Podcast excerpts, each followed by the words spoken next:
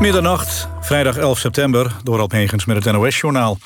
Oppositiepartijen hebben kritiek op het akkoord van het kabinet... voor de opvang van 100 vluchtelingen uit het Griekse kamp Moria. SP, PvdA, GroenLinks en DENK spreken in een debat van koehandel... en een ordinaire uitruil. Afgesproken is dat de 100 migranten die nu worden opgenomen... in mindering worden gebracht op de 500 die de VN-vluchtelingenorganisatie elk jaar aanwijst voor opvang in Nederland. Regeringspartijen D66 en ChristenUnie gaven in het Kamerdebat aan dat ook zij graag meer gewild zouden hebben, maar dat dat politiek niet haalbaar was. Hulporganisaties noemen het aantal migranten dat van Moria naar Nederland wordt gehaald beschamend en een lege huls. Ze vinden dat de Nederlandse regering ruimhartiger moet zijn. Twee militairen van de landmacht zijn in Tsjechië gewond geraakt bij een internationale oefening met chemische stoffen. Die explodeerden door nog onbekende oorzaak. De twee zijn voor behandeling naar een ziekenhuis gebracht. En ook 23 andere, voornamelijk Nederlandse militairen... moesten uit voorzorg naar het ziekenhuis. Burgemeester Bruls van Nijmegen heeft opnieuw twee studentencafés gesloten... die te koppelen zijn aan een flink aantal coronabesmettingen. Een van de cafés moest in juli ook al dicht wegens overtreding van de regels. Volgens Bruls komt er een groot onderzoek naar horecazaken in Nijmegen... en worden mogelijk nog meer zaken gesloten. Afgelopen dagen is het aantal coronabesmettingen in de stad flink opgelopen. De Eredivisie CV gaat vanaf volgende maand in het betaald voetbal experimenteren met meer toeschouwers in de stadions. Dat zei interim-directeur van de Eredivisie Jan de Jong in het Radio 1-programma Langs de Lijn en Omstreken. Bij verschillende clubs in de Ere- en Eerste Divisie wordt gekeken of toeschouwers op een kleinere ruimte in het stadion kunnen zitten. Politiek Den Haag staat volgens de Jong achter het experiment.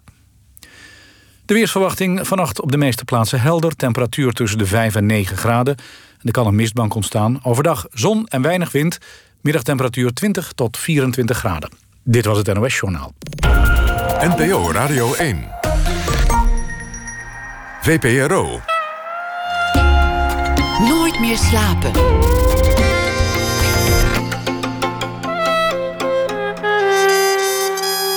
Met Pieter van der Wielen. Goedenacht en welkom bij Nooit meer slapen. Een man of vrouw ligt onder vuur, elke dag een ander. De media richten het kanon van nationale verontwaardiging en de online lynchmob maakt het af. De boze menigte is een dag later alweer vergeten, maar het mikpunt van al die woede beeft soms nog jaren na. In de roman De Val van Thomas G. schetst Nelleke Noordervliet zo'n geval. Een uitgever dit keer, die een niet al te woke boek durfde uit te geven en daarvoor wordt gestraft. Er is meer over dat boek te vertellen, het boek van Noordervliet. Thema's die ze al eerder behandelden. Emancipatie, de babyboom-generatie en de onmogelijkheid om tot elkaar te komen. Nelleke Noordervliet is eh, van 1945. Ze schreef eh, inmiddels een, eh, nou ja, zo'n tien romans. En ze won in 2018 voor dat hele oeuvre de Constantijn Huygensprijs. Nelleke, hartelijk welkom. Wat leuk dat je er bent. Dank je. Was er een directe aanleiding, een, een moment van inspiratie? Nou, nee, het was een soort toenemende urgentie, gevoel van urgentie.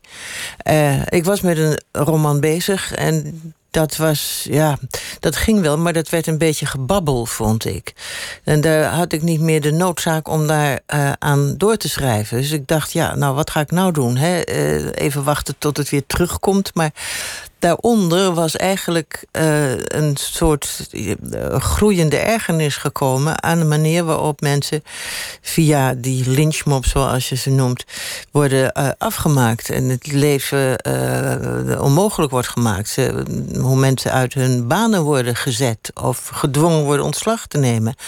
En hun leven wordt door, nou ja, een, een eenvoudige daad die zij hebben gedaan of een woord dat ze hebben gezegd en dat niet in het pulletje valt van de mensen, uh, krijgen ze meteen uh, om hun oren. Als het van links komt, ben je gecanceld. En gecanceld ben je voor het leven, want er bestaat niet een woord voor ontcanceld. Als het van rechts komt, dan, dan heeft het weer andere termen. Maar de uitwerking is hetzelfde. Ja. En het kan eigenlijk, nou ja, de meest gewone drommel inmiddels gebeuren. Ja. Ja, en dat is juist het vervelende, dat het inderdaad van alle kanten kan komen. Dat je, uh, hoe dan ook, dat je woorden bijna altijd verkeerd worden geïnterpreteerd door de ene of door de andere kant. Als de ene kant het met je eens is, dan krijg je het van de andere kant uh, te verduren. En het is, er is geen enkele mogelijkheid meer, lijkt het wel, om eens rustig een, je mening te geven, uh, argumenten te geven. want alle argumenten die je geeft zijn voor de vijanden uh, nog meer redenen om je uh, kapot te schieten. Dus het is, het is, je zit in een enorme uh, ja, gevangenis, bij wijze van spreken. Kan je natuurlijk zeggen, nou, bemoei je dan niet met de dingen. He, houd dan je mond.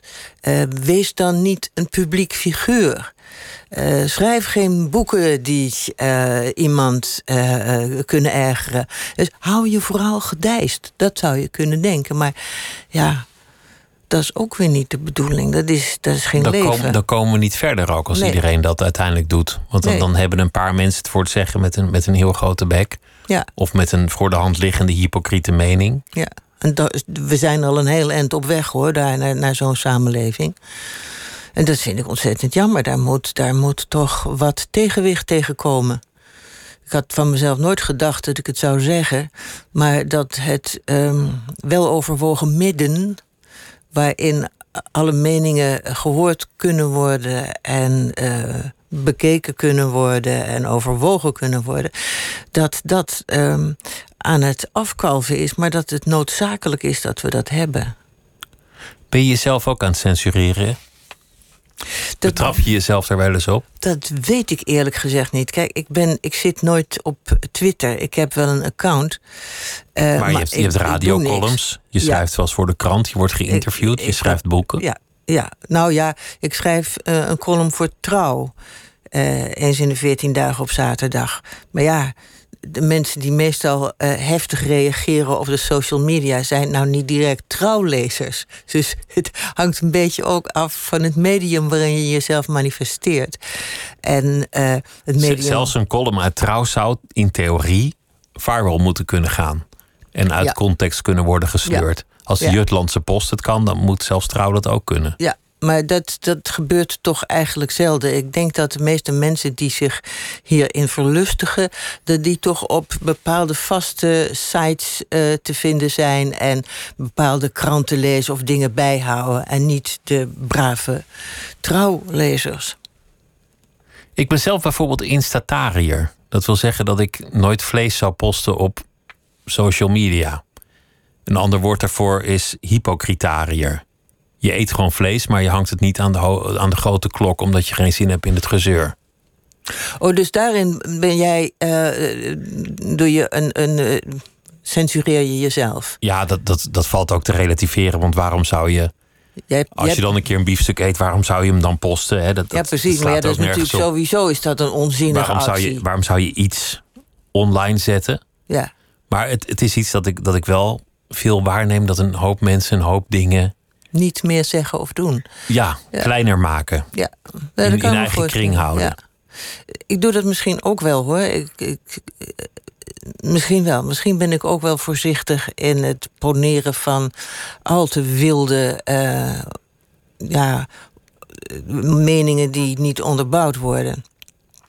Denk, misschien wel. En misschien zou ik ook geen roman schrijven met. Um, ja, bij wijze van spreken een cartoon van Mohammed op de buitenkant. Dus dat je, waar, waar erge grote gevoeligheden liggen, dat, dat, dat ik me daar misschien toch wel iets van aantrek. Dat lijkt me ook verstandig, want er worden mensen vermoord vanwege die cartoons. Ja. Dus, dus dat zou ik ook niet doen. Wat, wat interessant is aan wat je net zegt, is dat mensen de mening van een ander op voorhand censureren. Dus als bijvoorbeeld zo'n lezing van Jordan Peterson aan de universiteit op voorhand wordt afgezegd omdat hij wel eens iets zou kunnen zeggen waar iemand aanstoot aan zou kunnen nemen, ja. dan, dan is er eigenlijk iets verloren, namelijk het debat. Ja, precies. En dat is wat mij zo, zo ergert. En ik begrijp die cancel culture dus ook, maar dan ook helemaal niet. Ik vind dat van een benepenheid En ook van, eigenlijk van een enorm wantrouwen in de eigen uh, opinies. Want als je bang bent voor Jordan Peterson, wat is jouw uh, mening dan waard? Ik bedoel, kan je het daar niet tegen opnemen? He, dus het is, het is raar om iemand de, de, de mond te snoeren. Dat kan alleen maar als je bang bent dat jij zelf geen overtuigingskracht hebt. Als je eigenlijk twijfelt aan je eigen Precies. argumenten. Ja.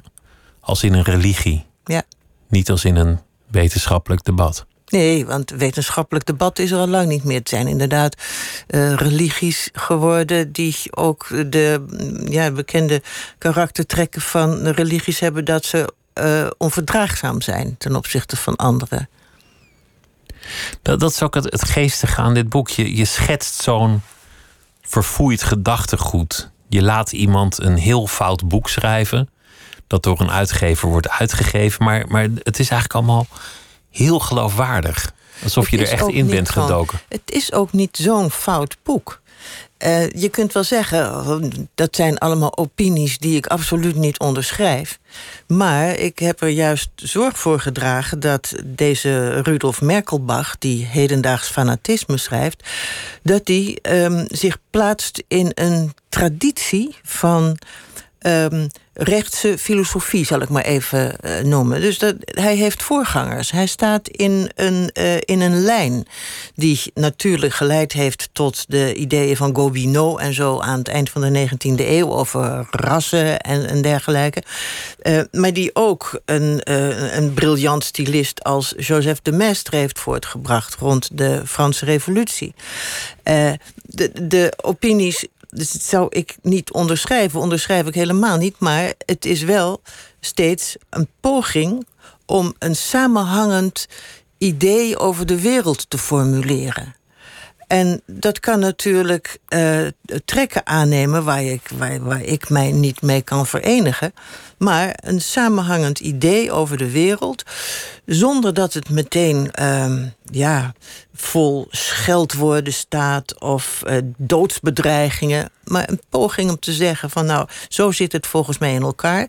Waarin dus bijvoorbeeld vrouwen totaal ondergeschikt zijn. En waar inderdaad bepaalde rassen uh, als minderwaardig worden beschouwd. Dat, dat kan in een samenhangend wereldbeeld uh, worden geformuleerd. En dat is een, een, al een lange traditie.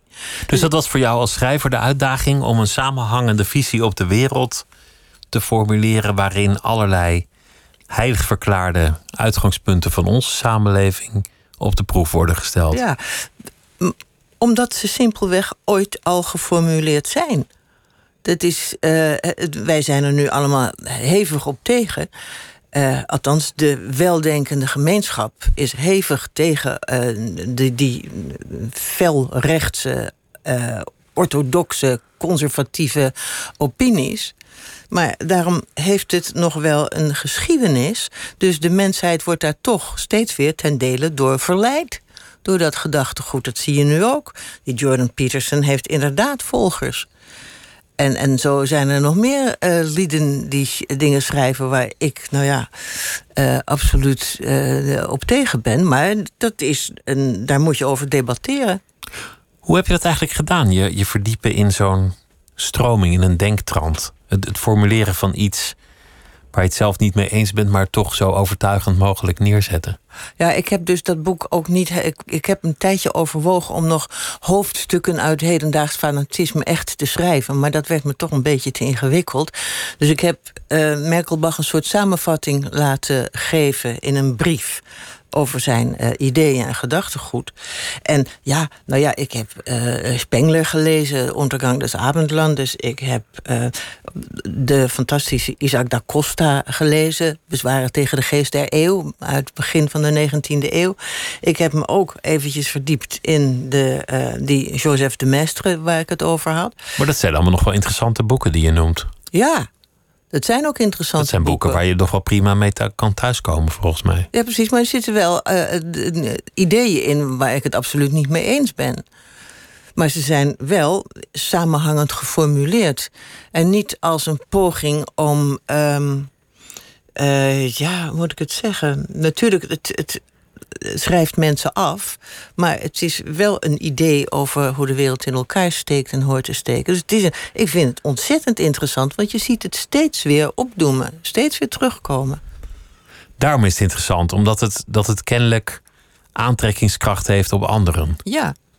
En je ziet het ook steeds eh, terugkomen in, in afgezwakte vorm of in uh, een beetje half idiote vorm. Het is natuurlijk ook een, wordt een heleboel onzin op rechts gepraat, maar op links wordt er ook een heleboel onzin gepraat. mensen begrijpen de ideeën waar ze op voortborduren verkeerd en gaan daar een, een raar soepje van koken. En wat er vervolgens gebeurt, is dat iedereen een mening heeft over een boek dat je niet gelezen hebt. En dan het al oude argument: ik ga zo'n boek toch zeker niet lezen.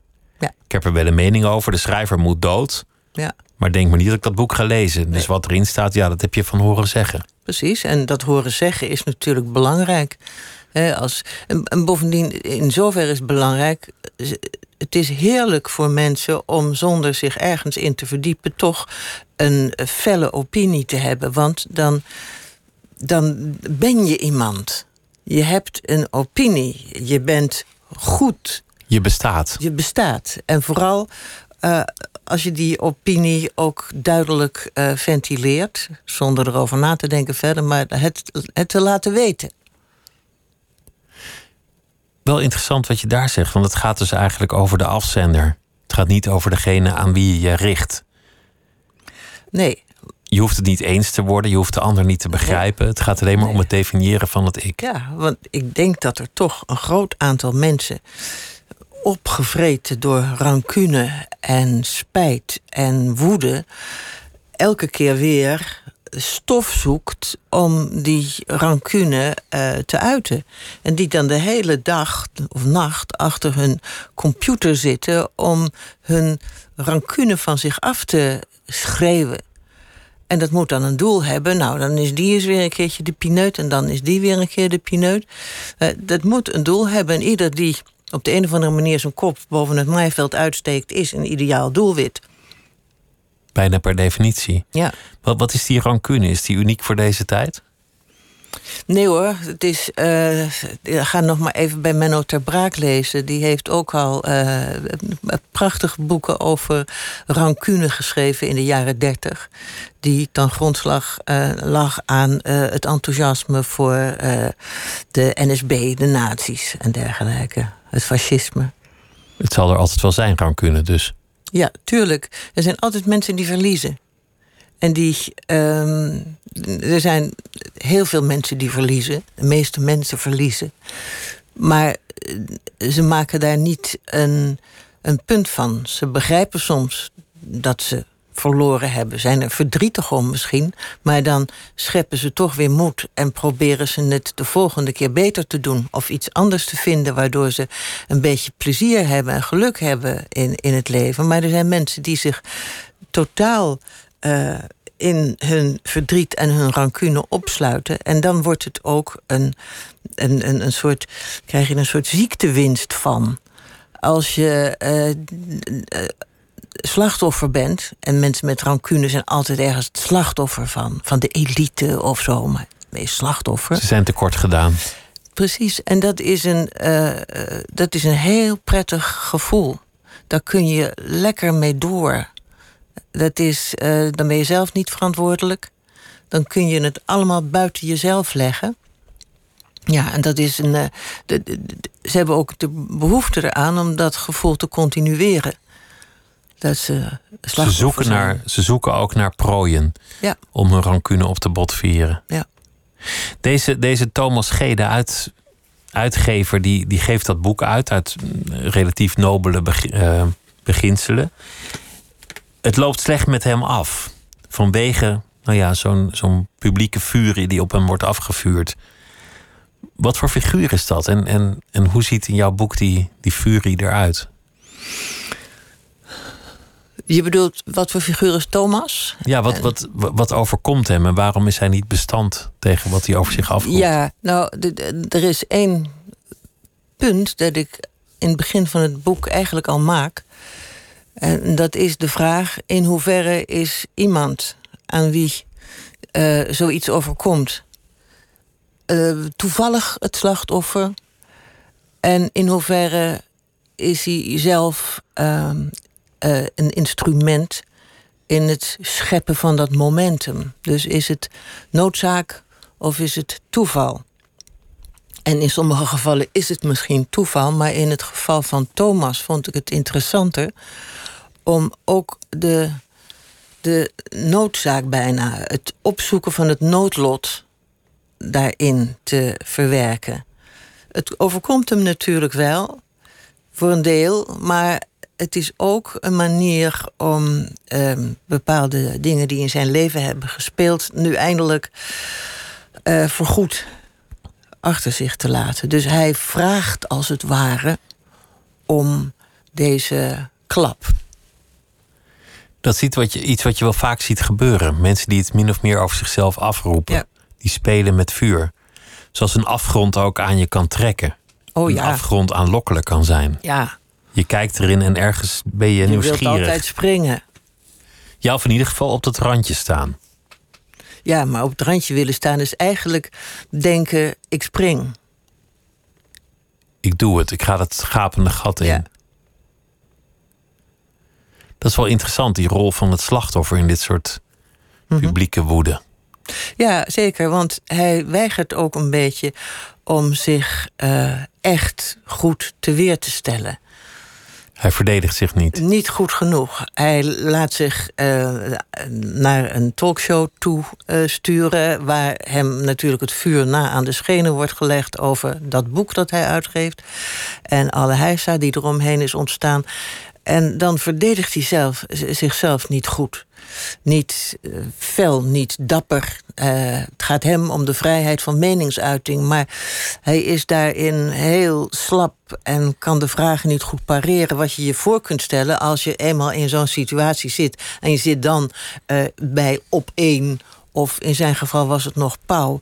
En je krijgt snijdende vragen op je af. Dat je soms totaal uit je doen bent.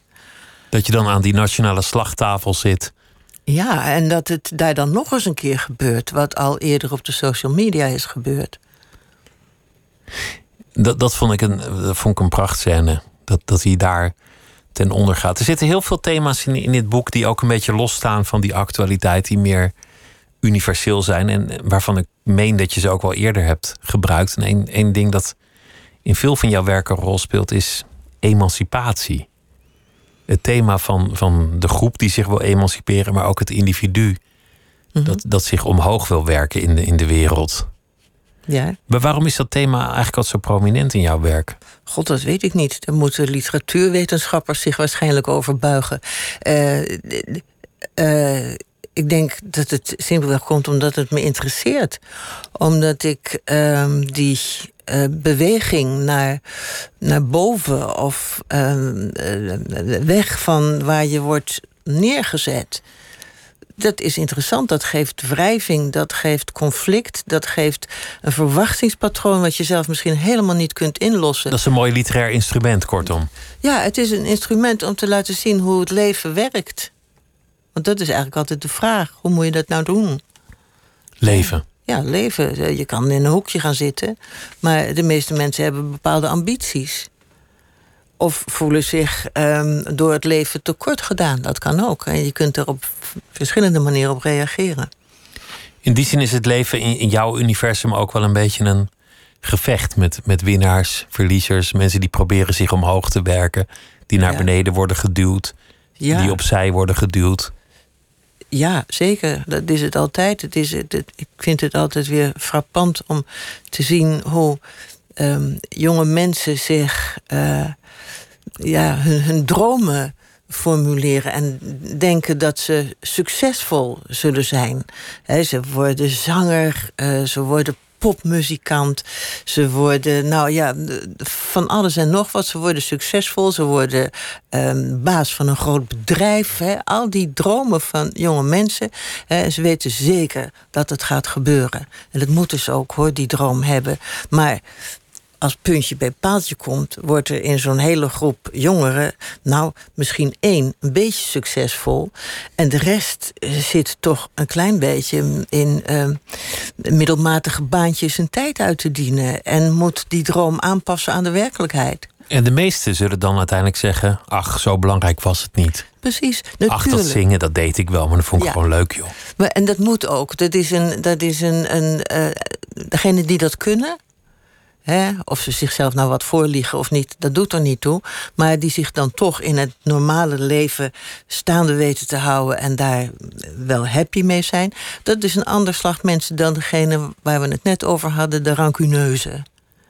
Hè, die het maar niet kunnen verkroppen dat ze verloren hebben. Dus het is, het is, de droom moet er zijn. En de droom wordt in 9 van de 10 gevallen komt die niet uit. Maar om je te verhouden tot die droom en tot de werkelijkheid, ja, dat is de kunst van het leven. Ik heb het idee dat die, die strijd ook wel feller is geworden. De zelfontplooiing, daar hangt meer van af. Misschien door social media, maar ook door het wegvallen van kerken en andere instituten. Alles moet in het leven gebeuren. Je moet een succes worden. Ja. Je moet zorgen dat je de nieuwe Beyoncé of iemand anders wordt. En anders heb je gefaald. En dan komt het ook nog alleen maar door jezelf. En dat is ook weer een gevolg van, van de, de, de media, waarin de social media vooral, waarin iedereen zich ook altijd voorstelt als een waanzinnig succesvol iemand. Hè? Op Facebook eh, moet iedereen altijd ontzettend leuke verhalen eh, eh, posten van wat ze nu weer voor fantastisch hebben gedaan en hoe gelukkig ze nu weer zijn. Foto's die zijn eigenlijk altijd stralend uiterlijk moet er helemaal op worden aangepast. De eh, jonge vrouwen die op hun achttiende al een nosejob krijgen en eh, zich totaal laten verbouwen. Om aan één bepaald schoonheidsideaal te voldoen. Ze, ze lijken nu allemaal op elkaar. En dan vraag ik me af, wat is dat nou toch voor een ideaal? Dat vind ik zo'n wonderlijk ideaal. En misschien is dat dan weer een kwestie van generatie. Welk ideaal is dat? Schoonheid? Nee, maar het, het, het, gekke is dat er is een soort conformisme. Hè, terwijl iedereen roept, het, het individu is belangrijk. Het individuele, het individualisme is ontzettend belangrijk. Maar je ziet dat mensen vaak heel conformistisch zijn. Want ze vinden dus allemaal het ontzettend leuk om naar Frankrijk te gaan, zal ik maar zeggen. Of uh, om uh, lang haar te hebben en highlights erin te doen. Of om uh, de make-up van Nicky de Jager te doen. He, dus ze zien er allemaal hetzelfde uit. Dus heel conformistisch. In plaats van dat ze allemaal gewoon lekker iets heel anders doen. Dat is een interessant punt. Jouw, jouw, jouw vader was automonteur. Ja. En, in die tijd kan ik me voorstellen dat dat betekende dat voor jou ook een soortgelijke toekomst was weggelegd. Niet als automonteur, maar dan waarschijnlijk als huisvrouw. Nou ja, mijn moeder was van oorsprong coupeuse. Nou ja, modinette. Dus die uh, zat op een confectieatelier uh, zakken op jassen te stikken. Ja, dat was een. Uh, en toen ze ging trouwen, hield ze op met werken, uiteraard. Want mijn vader kon haar onderhouden als automonteur. het was inderdaad was het de gewoonte bij ons in de hele familie eigenlijk wel dat kinderen dan zo'n beetje op hetzelfde niveau hun, hun werk zochten. Niet door mochten leren en zo. Maar ja, dat mocht ik wel. Want mijn ouders die, uh, hadden het zelf eigenlijk ook wel graag gedaan. Uh, hadden, mijn, mijn moeder had graag naar de MULO gewild. En mijn vader naar de HBS. Maar ja, dat zat er toen niet in. Dus ze waren ook al blij dat het jou wel lukte? Ja, nee, dat hebben ze zeer ge, uh, ge, gestimuleerd. Dat vonden ze, dat, ze waren er heel trots op. Dat vonden ze echt heel, heel fijn. Wanneer kreeg jij zelf de gedachte dat je je ergens aan kon ontworstelen, dat je je omhoog kon werken in de, in de wereld? Ja, dat was natuurlijk wel toen ik uh, als eerste van de familie naar een middelbare school ging. Dat er, was, was daarvoor niemand zelfs maar tot aan de middelbare school gekomen? Nee, dat is allemaal lagere school. En, uh, en dan ging je werken, dan ging je bij een baas. Of je ging in het leerlingenwezen. Mijn uh, grootvader was typograaf en al zijn zoons werden ook typograaf. Dus uh, gewoon. En uh, ja, mijn grootmoeder was huisvrouw. dus ja, dat, dat, dat deed je dan. En jij ging naar de middelbare school en dat was al bijzonder? Ja, mijn, mijn opa huilde toen ik, toen ik mijn toelatingsexamen had gehaald. toen moest hij nog toelatingsexamen doen. Nou, tranen met tuiten. Hij was zo trots. En, en mijn ouders zeiden van ja, je zal het wel zelf moeten doen. Want wij kunnen je niet meer helpen. He, ze, bedoel, de, de, de, vreemde talen spraken ze niet. Uh, wiskunde hadden ze nog nooit gedaan. Dus ze konden me niet helpen bij het huiswerk of bij het studeren. Zeiden je moet het echt zelf doen. Had je vertrouwen dat je dat kon? Ja. Waar kwam dat vandaan? Nou, ik uh, had goede cijfers. Dus op de lagere school, uh, de, ik had allemaal negens en zo. Ik dacht van ja, dan moet het me toch lukken. Je zat ook in een generatie waarin, waarin emancipatie, bevrijding een hele prominente thema's waren. Ja, dat kwam toen op. Uh, ik bedoel, ik ben, ben, van 45 en man-vrouw maatschappij. Hè, dat eerste nou ja, groepje dat zich daarin ging bewegen. Het begon in 1967 of daaromtrent. Dus toen was ik ook al uh, 22. Uh, dus betrekkelijk laat. Dus het is, het is eind jaren 60 is dat pas echt goed op gang gekomen. En ja, dus ben ik van een generatie die eigenlijk een beetje tussen twee stoelen is uh, terechtgekomen. Enerzijds nog opgegroeid in die traditionele atmosfeer. En anderzijds um, een, een, een, poging doet om een nieuwe samenleving te scheppen. Uh, waarin je uh, gelijk met mannen wordt behandeld. En niet altijd maar weer dienstbaar. Dus je was eigenlijk net drie, vier jaar te oud om een echte babyboomer te zijn in die zin. Ja, hoewel ik me wel als een babyboomer beschouw hoor. Ik ben van 45, eind 45.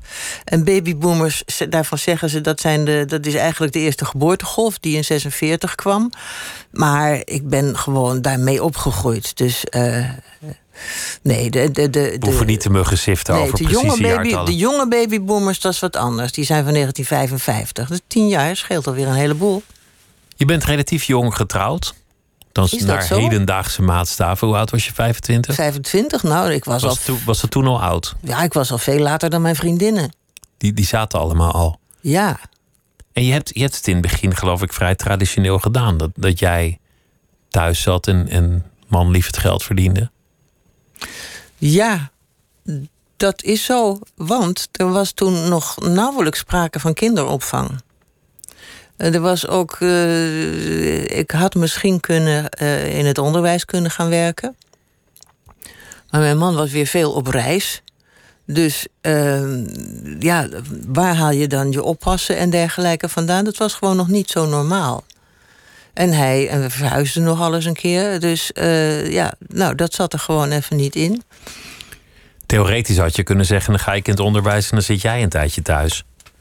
Ja, nee, maar dat, was, dat, is, dat is nou net nog net dat stukje traditie waar wij allebei uit voortkomen. Dat deed je gewoon niet? Nee, nee, nee. En hij verdiende waarschijnlijk ook meer, dus dan was het gewoon lucratiever dat, dat hij ging werken. Dat zei hij ook, ja. Hij zei: wie het meeste van ons kan verdienen, die mag gaan werken. Nou, ja, hij wist ook wel dat hij het was. je kan het ook zien als coulant dat hij zegt: Nou ja, ik, ik ga werken, ik verdien het geld. Ja, nou dat is het ook niet hoor. Maar ik ben wel. Ik heb wel mijn eigen weg daarin gezocht. Met. Uh, nou ja, ik ben verder gaan studeren. Uh, ik heb uh, in de politiek gezeten. Dus in de gemeenteraad. Nou, dat is ook werk. dus ik, ik, ik schraapte mijn dingetjes wel bij elkaar. Want je bent gedebuteerd net na je veertigste. Ja, in 87, ja. Hoe ging dat? Dat je, dat je ineens tevoorschijn kwam met een boek? Nou, ik was er al jaren mee bezig. In vrije half uurtjes en kwartiertjes steeds een stukje verder schrijven. Een boek over de eerste vrouw van Multatuli. En uh, op een gegeven moment was het af. Dan was ik er zo zes jaar aan bezig. Maar ja, het, bedoel, het was echt zo sporadisch dat ik daaraan werkte. Maar het was wel af. En toen dacht ik, nou, 87, dat is een multatuli-jaar. Dus dan, als er belangstelling voor is, dan moet het nu ongeveer zijn. En ja, toen uh, heeft uh, Meulenhof het uh, uit willen geven. En toen was ik er. Het was meteen een succes. Je was nou, meteen ja, gevestigd. Het was, het was meteen, was het, het kreeg meteen aandacht. Dat wel. Ook dankzij Multatuli natuurlijk. Uh, kreeg meteen aandacht, dat wel. Maar het was niet zo dat het meteen in, in tienduizenden boeken verkocht. Dat is altijd interessant toen al. Dat, dat iets kan lijken als een groot verkoopsucces. Maar je weet nooit wat iets werkelijk verkoopt. Nee. De het mate was van later aandacht. gekomen. Toen ik uh, wat genomineerd was voor prijzen, toen uh, uh, is Tine opnieuw uitgebracht. He, ze hebben gewoon gezegd: ja, oké, okay, dan gaat het weer meelopen. En het loopt nou nog steeds. Nog steeds aandacht voor. Mm -hmm. Waarom eigenlijk altijd die historische onderwerpen? Waarom, waarom interesseert dat je zo, die geschiedenis? Waarom, waarom duik je daar altijd zo in? Nou, het is gemengd, hè? Want dit is dit, dit boek over Thomas G. is natuurlijk een, een uh, eigen tijdsonderwerp. Uh, Al zitten er wel een paar nou ja, ja woord, wortels in de geschiedenis. Wat, ja, natuurlijk is altijd. Verleden is altijd van belang. En het vorige boek was ook, uh, er speelde ook in deze tijd. Het boek daarvoor was in de 17e eeuw. Dus ik wissel dat een beetje af. Uh, ik vind het gewoon interessant. Om te zien hoe het vroeger, hoe vroeger dingen anders waren, maar toch hetzelfde. Je komt bij iets universeel menselijks omdat de tijd anders is. Ja, en je kunt even afstand doen van eh, wat je zelf allemaal weet en hoe, hoe wij samenleven. Maar je kunt jezelf terugvinden in, uh, juist ook in dat andere. In dat andere verhaal van andere mensen een andere omgeving waarin je je moet verplaatsen. Het is ontzettend leuk. Wat in al je boeken terugkeert, is dat, dat mensen eigenlijk niet kunnen communiceren. Misschien willen ze het wel. Misschien proberen ze wel tot elkaar te komen, maar uiteindelijk stokt dat. Nou ja, ik zou zeggen, kijk om je heen. Dat is gewoon hoe het is. Zo zie jij het. Het is gewoon hoe het is. Als je. Uh, er, ofwel is de, er is desinteresse laat ik dat voorop stellen. Over het algemeen zijn mensen niet geïnteresseerd in elkaar. Ze zijn erg geïnteresseerd in zichzelf, maar over het algemeen niet in elkaar, niet in een ander. Iedereen is altijd heel erg geïnteresseerd in zijn eigen verhaal, maar het verhaal van een ander mag best wel wat korter. Uh, dus daar, daar zit je dus al met een, uh, een, een soort muurtje tussen twee mensen. In sommige gevallen is die belangstelling er natuurlijk wel als je verliefd bent, als je van iemand houdt, dan wil je alles weten. En je wilt weten wat hem bezighoudt, waar hij van houdt. Alles wil je weten. Maar dat zijn uitzonderlijke gevallen. Uh, dus het, en het communiceren, uh, als je het technisch gaat bekijken, je zegt van er moet een boodschap worden overgedragen aan iemand anders. En we hopen dat dat zo goed mogelijk wordt gedaan, zodat hij hem snapt. En omgekeerd, het antwoord moet ook. Daar kun je dan uh, communicatiewetenschappen uh, overheen leggen en zeggen van is deze boodschap duidelijk? Is er geen ruis? Nou, en dan probeer je het zo goed mogelijk voor elkaar te krijgen. Maar als we met elkaar gewoon praten, in wat voor context dan ook, zonder dat je de noodzaak hebt om het verhaal goed over te brengen, dan is het een, een, een ontzettend leuk zootje soms. Maar... Een leuk zootje, want, want het, het universum van Nelleke Noordervliet is wel vrij somber. Alle mensen zijn in een strijd verwikkeld, de meeste mensen verliezen. Een paar kunnen dat goed, maar de meeste niet. En dan, wordt, dan komt er rancune op. En rancune is van alle tijden. Ja, ja, en maar... communiceren lukt niet, omdat we niet geïnteresseerd zijn in elkaar. We zijn allemaal cellen die proberen te overleven. Ja, dus... Gistcellen, we vreten en we vreten. Dus je bent extra blij als een keertje echt lukt. En dat is wat je nastreeft in het leven. Het is, je kan niet van de hele wereld houden, de hele wereld houdt niet van jou. Dat is helemaal niet nodig. Als je een paar mensen hebt met wie je door het leven stapt uh, en die je vertrouwt, dan geeft je dat al voldoende zekerheid om die strijd aan te kunnen. En een strijd is, dat is het leven natuurlijk wel, maar een strijd hoeft niet altijd een negatieve uh, betekenis te hebben. Strijd kan ook goed zijn en leuk. is ook goed, is ook leuk. Brengt je ergens, geeft je spanning, uh, uh, geeft je vreugde. Als ik naar de Tour de France kijk en ik zie vandaag die Hirschi, die Zwitser, als een gek. Eindelijk, de vorige keer is het mislukt. Hij rijdt voorop. En de wolven zitten achter hem aan. Maar hij kan het. Hij haalt het. en hij wint. Dat is, en dat is een strijd. Maar het winnen is dan een geweldige beloning. En het is leuk. Strijd is niet altijd verliezen. Dat, dat, is, dat is wel interessant. Maar wat je, wat je ook zegt, is eigenlijk moet je bescheiden zijn in je verlangens.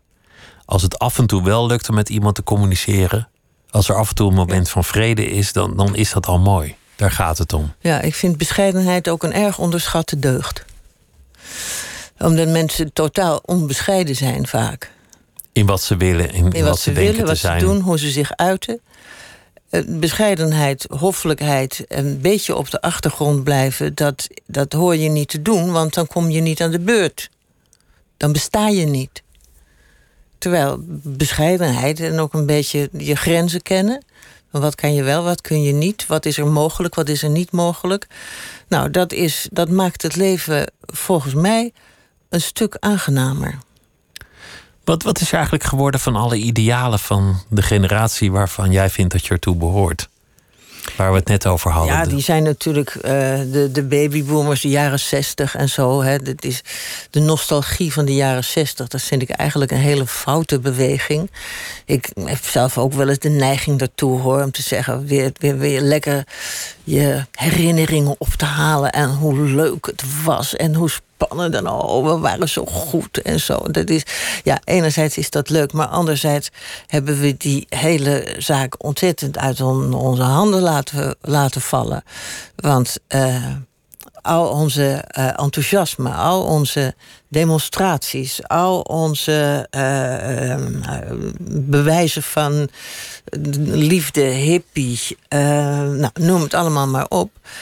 Verlangen naar democratisering. Hè, en andere spelling ook dan. Eh, eh, dat is allemaal vastgelopen. In de jaren zeventig zag je het allemaal stuk voor stuk zag je het vastlopen in een verschrikkelijke bureaucratie en een enorme dwang. Eh, zoals in Amsterdam aan de universiteit. Hè, dus was, nou, eerst was het nou, de studenten allemaal vrij, meer inspraak en noem maar op. En dan gebeurt dat. En dan wordt zo'n hele universiteit wordt lamgelegd door overlegstructuren. En ehm, hoogleraren mogen dan niet meer hun kennis verspreiden, want het moet allemaal gedemocratiseerd. En zij zeggen wel eh, wat je moet leren. Dus die situatie is in de jaren zeventig enorm uit de hand gelopen of vastgelopen. Ik vind de jaren zeventig vind ik ook echt een verschrikkelijk decennium. Verschrikkelijk. Tom Andere Wolf noemde dat de me-decade. Dat iedereen zich moest ontplooien. Maar, Ja. maar in werkelijkheid waren het alleen maar praatgroepen, Ja, oh, verschrikkelijk. maatschappelijk werkers. Waarin mensen zich ook weer moesten conformeren. En dat zie je nu ook. Mensen moeten zich conformeren aan de heersende opinie van degene bij wie je wil horen. En dan mag je niet buiten de boot vallen. En zo worden mensen ook vreselijk bang om buiten een boot te vallen, want dan hebben ze geen vrienden meer. En Dan ben je eh, eenzaam en dat, dat is het eenzaam. ergste. Dat schijnt het ergste te zijn wat er is. Voor wie net inschakelt, Nelleke Noordervliet zit hier in gesprek over eh, haar nieuwe roman. Dat is eh, De Val van Thomas G. En dat gaat over een man die geslacht wordt in de publieke opinie. Een uitgever omdat hij een onwelgevallig boek met allemaal eh, omstreden gedachten heeft gepubliceerd. En we kwamen te spreken over eh, de afrekencultuur die eh, momenteel heerst. En waar blijft dan het debat? En zo spraken we over emancipatie, een thema in veel van je boeken. En waar je zelf vandaan kwam. Als eerste in de familie naar de middelbare school.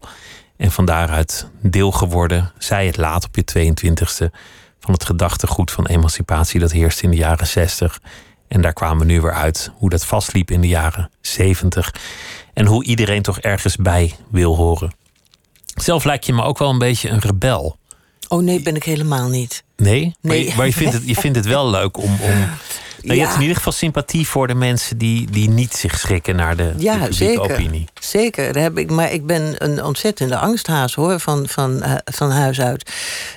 Juist daarom ook, toen, omdat ik niet wist wat de code was op middelbare scholen bij mensen die eh, uit een ander milieu kwamen of aan de Leidse Universiteit, moest ik altijd heel erg op mijn hoede zijn om ehm, de juiste woorden te gebruiken Om te weten hoe je je moest gedragen. Dus daar was een, een, met grote behoedzaamheid heb ik daar mijn eh, weg gezocht. Ik heb wel toneel gespeeld, maar ja, dat is weer een heel ander verhaal.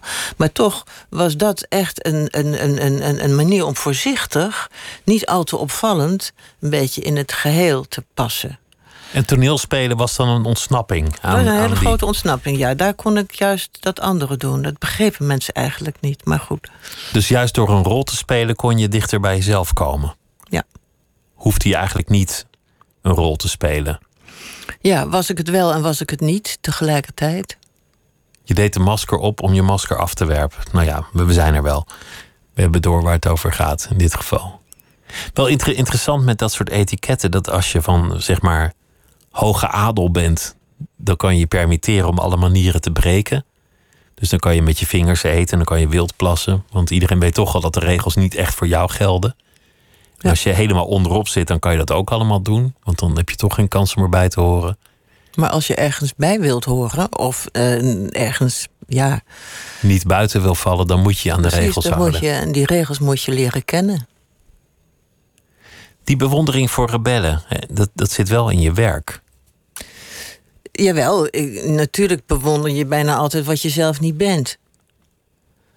Dat, je, dat ik bij mezelf denk, goh, ik wou dat ik dat zo onvervroren kon doen. Zo dapper en moedig kon zijn om voor dit of dat uit te komen en, en op te staan. En eh, de leiding op me te nemen. En niet dan de hele tijd over mezelf te denken van nou, nou, kom, kom, tut, tut. Het is, het is, ik, heb, ik heb altijd een, een enorme strenge meesteres in mijn hoofd zitten. Die zegt van nou, trek maar niet zo'n grote broek aan. Precies, die mij voortdurend beoordeelt. Eh, dat is een heel vervelend mens. Ehm, maar dat, daar heb ik wel mee eh, te dealen. En die weerhoudt mij ervan om eh, voluit rebel te zijn. Hoe kan het dan dat je schrijft? Schrijven is toch ook een daad van rebellie? Of in ieder geval niet van bescheidenheid. Nee, maar dat gaat ook met grote schaamte gepaard. Ieder boek weer. Ja, Dat is er nog weer. steeds. Ja, dat is er nog steeds. Enerzijds, en dus natuurlijk ook een, een deel, voor een deel een geweldige zelfoverschatting. En ook ijdelheid. En ook de behoefte om gehoord te worden en gezien te worden, mee te tellen, iemand te zijn. Maar dan is er altijd ook de strenge meesteres die zegt: stel je niet aan, kom. Denk jij nou echt dat je een bijdrage levert?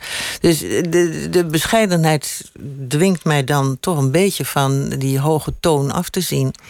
En wat doe je dan om, om die meesteres te, te dempen? Om die uiteindelijk te overwinnen? Nou, schrijven is. ehm, heeft het grote voordeel dat je buiten de tijd treedt en buiten de eigen werkelijkheid. En dat is net zo'n fantasie als eh, wanneer je een rol speelt op het toneel. Of wanneer je droomt. En eh, dat buiten de eigen werkelijkheid zijn en in een andere tijd zijn, terwijl je schrijft, dat is eh, voor mij het aantrekkelijke ervan. Het is een, ik ben het en ik ben het niet. Dus ik weet niet of dat begrijpelijk is, maar er is iemand anders aan het werk, de schrijver, die een wereld maakt. Een product van fantasie. En die fantasie, dat ben je niet helemaal zelf. Nee, Net als vroeger met het toneelspelen. ja. Je, je hebt inmiddels boeken geschreven waarvan ik vermoed dat je gelyncht zou worden als je ze nu zou schrijven. Over, over slavernij. Dan Ja. zou je meteen krijgen van nou, een, een, een witte vrouw die gaat schrijven over de geschiedenis van anderen.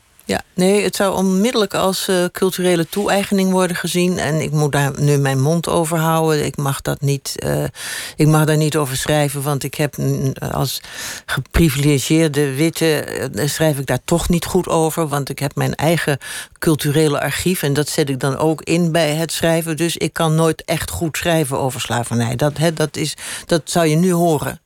Nou, twintig jaar geleden heb ik dat gedaan. Toen er nog nauwelijks over werd geschreven. Ook niet zo vreselijk veel belangstelling voor was. Maar ik vond het een ongelooflijk interessant en boeiend onderwerp. Juist ook om te laten zien hoe de oude slavernij nog steeds doorwerkt tot op de dag van vandaag in de houding van mensen. Dus zowel de uh, afstammelingen van de slaven als de afstammelingen van de uh, slavenhouders. dus het werkt nog steeds door in onze cultuur. Nou, daar zijn we nu wel achter met z'n allen. Dat is ons duidelijk gemaakt terecht. Maar toen was dat nog niet eens zo heel erg uh, populair. Maar ik vond het interessant om dat te bestuderen en ook om daadwerkelijk te, te kijken hoe dat nou eraan toe ging in Elmina, waar de slaven vandaan kwamen, mensen vandaan kwamen, hoe ze werden behandeld, wat er gebeurde op Curaçao, hoe daar in elkaar stak. Nou, enfin, die, die hele lijn van de driehoeksvaart wilde ik, wilde ik volgen, daar wilde ik van alles mm, van afweten en daar wilde ik over schrijven. Met zoveel mogelijk empathie want dat wil je toch, je, je leeft je in. In het leed en in, de, in het onrecht. En dat wil je laten zien. Ik vind het zo raar dat, een, dat ik dat niet meer zou mogen omdat ik wit ben. Daarmee worden een hoop dingen onmogelijk. Ja, Bijvoorbeeld jezelf of anderen meervoudig laten spreken in één boek, meerdere. Ja, dan kan ik, alleen maar, ja, kan ik alleen maar over mezelf schrijven. Nou, dat is saai. Misschien zelfs dat niet, want, want het is een populaire hashtag. Oké, boomer. Daar val je oh. dan ook onder. Ja, die vind ik wel leuk hoor. Die vind je grappig? Ja, ik ben niet zo beledigd door dat oké, boomer. Ik vind dat eigenlijk, ik vond het wel een hele geestige vondst, eerlijk gezegd. Het is een leuke manier om uh, te zeggen van... ja, jongens, jullie hebben je kans gehad. Hou nou maar even je kop, we kennen het verhaal wel. Van jullie emancipatie is niks terechtgekomen, nu zijn wij precies. Dus ik vond het, ik, ik zat er helemaal niet mee. En er werden me toch een boemers boos. Denk ik, jongens, jongens, jongens, denk toch terug aan jullie bloemenjeugd, hè? Doe een beetje gewoon. En begrijp het van waaruit dat komt. Ja, zelf waren ze niet beter. Ook schoppen tegen de generatie ervoor. Ja, ik, doe, ik, ik vond het nog wel heel vriendelijk. Oké, okay, boemer, ja, ik kan het ook van mezelf zeggen. Als ik mezelf hoor praten over bepaalde dingen, dan kan ik het ook tegen mezelf zeggen. Ja, oké, okay, boemer, hou nou maar weer eventjes op. Nu is het woord weer aan, aan de volgende. Ja. Ik, ik las ergens dat, je, dat jouw favoriete boek De Mens in Opstand van, van Albert Camus was. Ja, ja, ja, dat is zeker een favoriet boek. Dat heeft mij als, als uh, jonge vrouw, zal ik maar zeggen, enorm gevormd. Ik vond het vreselijk moeilijk. En ik heb het uh, een paar jaar geleden nog eens opnieuw gelezen. Is inderdaad een moeilijk boek. Uh, overal onderstrepingen en zo. Het was echt een, een, een, een, een eye-opener hoe hij schreef over de noodzaak tot opstand. Het opstandige gedachtegoed om ergens te komen. En tegelijkertijd de absurditeit van het bestaan. Want je nou. moet ook in opstand komen tegen dat bestaan. Althans, de, de zinloosheid die eruit voortkomt. Ja, of je moet, ja, daar moet je wel tegen. Je, moet die steen de berg op blijven rollen, zoals Sisyphus deed. En dan rolt hij weer naar beneden. Maar zoals uh, Camus dan zegt, uh, wij moeten ons Sisyphus voorstellen als een gelukkig mens.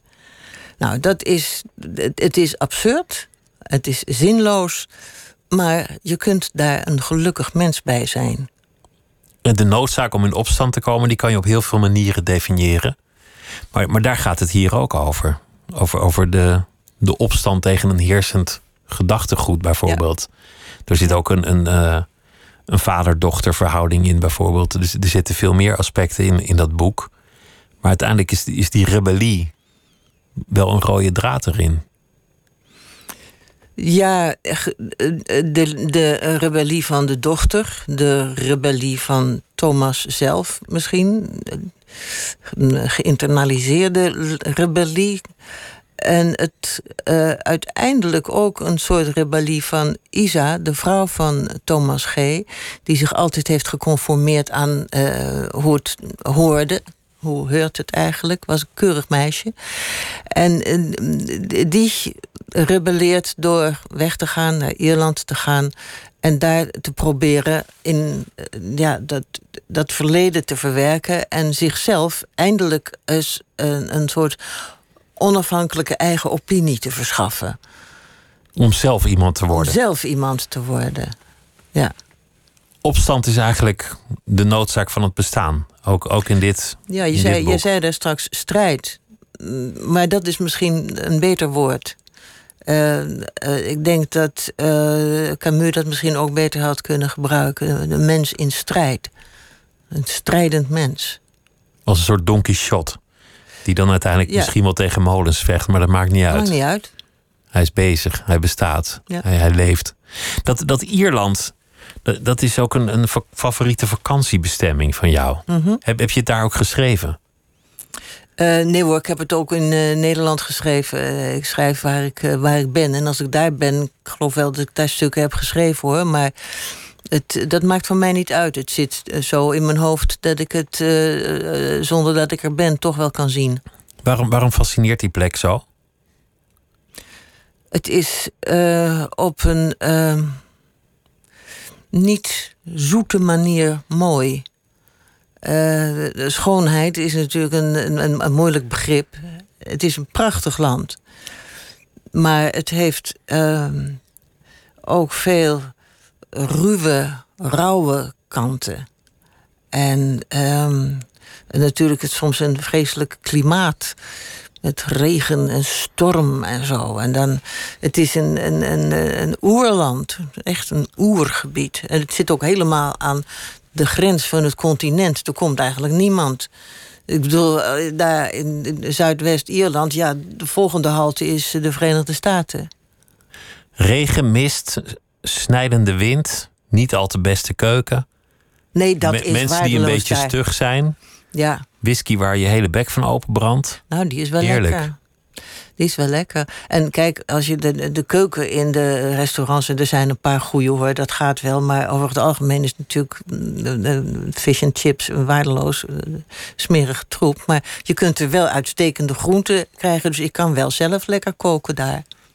En jij weet inmiddels ook hoe je een vis fileert. En dan gaat, gaat man Oh ja, de, die, de makrelen, ja. ja, die ja, gaat makrelen vangen op een bootje. En dan, en dan Ja, een bootje en dan gaat hij makreel vangen met, met Leo. En dan staat Leo ze allemaal de koppen eh, eraf te halen en ze schoon te maken. En dan krijg ik een emmer makreel. Nou, en dan, eh, dan gaan we aan de slag. Hoe doe je dat eigenlijk, een ma- makreel snijden? Ik heb geen idee. Dan dan moet je, dan moet je de, de, de, de goorlapjes eruit halen. Ja, die, nou, dat voert een beetje te ver. Maar ze zijn dus al redelijk, kop is er al af. En ze zijn dus, de ingewanden zijn er al uitgehaald. En dan moet je dus ze gewoon goed met platte hand... moet je eerst even de, in de rug insnijden. En eh, de andere kant ook insnijden. En dan heel voorzichtig, zodat je ze van de, de graad afhaalt. En hetzelfde doe je omgekeerd. Je moet echt met, met een platte hand, vlakke hand en een heel scherp mes. Dat is een leuk klusje. Nou ja, bij de twintigste makreel vind ik het niet leuk meer, maar eh, het is wel leuk. Ik vraag ernaar, dit is een beetje small talk, maar omdat het dat natuurlijk ook belangrijk is in het bestaande momenten dat de strijd er even niet lijkt te zijn. Of de noodzaak om te communiceren, of, of alle opstand of, of verdrukking of al dat soort dingen. Dat het er allemaal even niet is en dat je gewoon lekker makrelen staat te Ja, verderen. natuurlijk heel even niet te denken. Of denken, ja, je denkt aan die makreel. Eh, nou, dat is mooi. Wat ik, da- daar hou ik erg van. van ehm, kijk, als schrijver ben je altijd bezig in je hoofd. En het is heerlijk om gewoon dingen te doen met je handen. Nou, eten te koken bijvoorbeeld, of die vissen te eh, fileren. Ik heb nu ook van de zomer een zeewiercursus gedaan. Dat is ook leuk. Je gaat zoeken naar zeewier wat je kunt eh, gebruiken, waar je mee kunt koken. En om de ene zeewier van de andere te onderscheiden, dan moet je even weten hoe dat, hoe dat zit. En waar je ze kunt vinden. Dat is ontzettend leuk. En dan ben je daarmee bezig. Maar het is toch niet zo dat als je de verkeerde hebt, dat die giftig is en dat je dan meteen dood bent of zo, toch? Nee, nee, nee, dat, is, dat valt reuze mee hoor. Het, het is gewoon niet te vreten. Sommige dingen die kun je alleen maar gebruiken als mest voor het land. Want het is wel heel goed spul. Maar er zijn ook eh, zeewieren waar je uitstekend mee kunt koken. Ze schijnen daar nu in de grote restaurants in Londen goudgeld voor te betalen. Ja, Nou. Je kan er ook een business, Wat heerlijk. Het, uh, het boek heet uh, De Val van Thomas G. Nelleke Noordervliet, dank dat je te gast wilde zijn... om te spreken over de, de grote en minder grote thema's van het uh, bestaan. Het was me een genoegen. Dank je wel. Mij ook, dank je wel. Zometeen op NPO Radio 1 uh, Misha Blok met Miss Podcast. En morgen dan zit hier Lisbeth Staats en die gaat in gesprek met Corine Kolen... die altijd schrijft over de liefde. En daar heeft ze ook boeken over geschreven. Dat morgen en voor nu een hele goede nacht.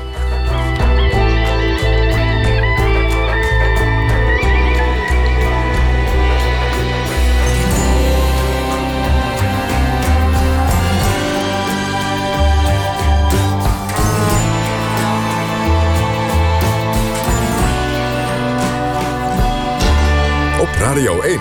Het nieuws van alle kanten.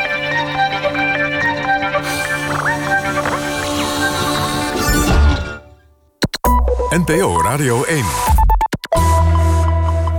1 uur, Dorald Megens met het NOS-journaal. Oppositiepartijen hebben kritiek op het akkoord van het kabinet... voor de opvang van 100 vluchtelingen uit het Griekse kamp Moria. SP, PvdA, GroenLinks en DENK spraken in een Kamerdebat van koehandel... en een ordinaire uitruil. De PVV is tegen het akkoord. Die partij wil helemaal geen migranten meer toelaten. Afgesproken is dat de 100 migranten die nu worden opgenomen... in mindering worden gebracht op de 500... die de VN-vluchtelingenorganisatie elk jaar aanwijst voor opvang in Nederland. Regeringspartijen D66 en ChristenUnie gaven in het Kamerdebat aan... dat ook zij graag meer gewild zouden hebben... maar dat dat politiek niet haalbaar was. De VVD is tevreden omdat er niet meer migranten komen dan was afgesproken. Coronagezant Fijke Siebesma gaat langer door. Dat zei arts-microbioloog Jan Kluitmans in de talkshow op 1. Siebesma zou eigenlijk deze maand stoppen... als de speciale coronagezant van het kabinet. De voormalig topman van DSM werd in maart benoemd... om de testcapaciteit in Nederland uit te breiden. En ook houdt hij zich bezig met de vaccinstrategie van Nederland. Twee militairen van de landmacht zijn in Tsjechië gewond geraakt... bij een internationale oefening met chemische stoffen. Die explodeerden door nog onbekende oorzaak. De twee zijn voor behandeling naar een ziekenhuis gebracht. Ook 23 andere, voornamelijk Nederlandse militairen... moesten uit voorzorg naar het ziekenhuis. De VS gaat het coronatestbeleid van internationale reizigers versoepelen... meldt persbureau Reuters. Vanaf maandag kunnen reizigers op meer plaatsen het land binnen... dan alleen via de 15 vliegvelden die eerder daarvoor zijn aangewezen. En ook zal er minder worden getest. De versoepeling geldt onder andere voor Nederland en andere Schengenlanden... en voor China en het Verenigd Koninkrijk. De weersverwachting vannacht op de meeste plaatsen helder. Temperatuur ligt tussen de 5 en 9 graden. En er kan een mistbank ontstaan. Overdag zonnig, weinig wind en de middagtemperatuur 20 tot 24 graden. Dit was het NOS Journaal.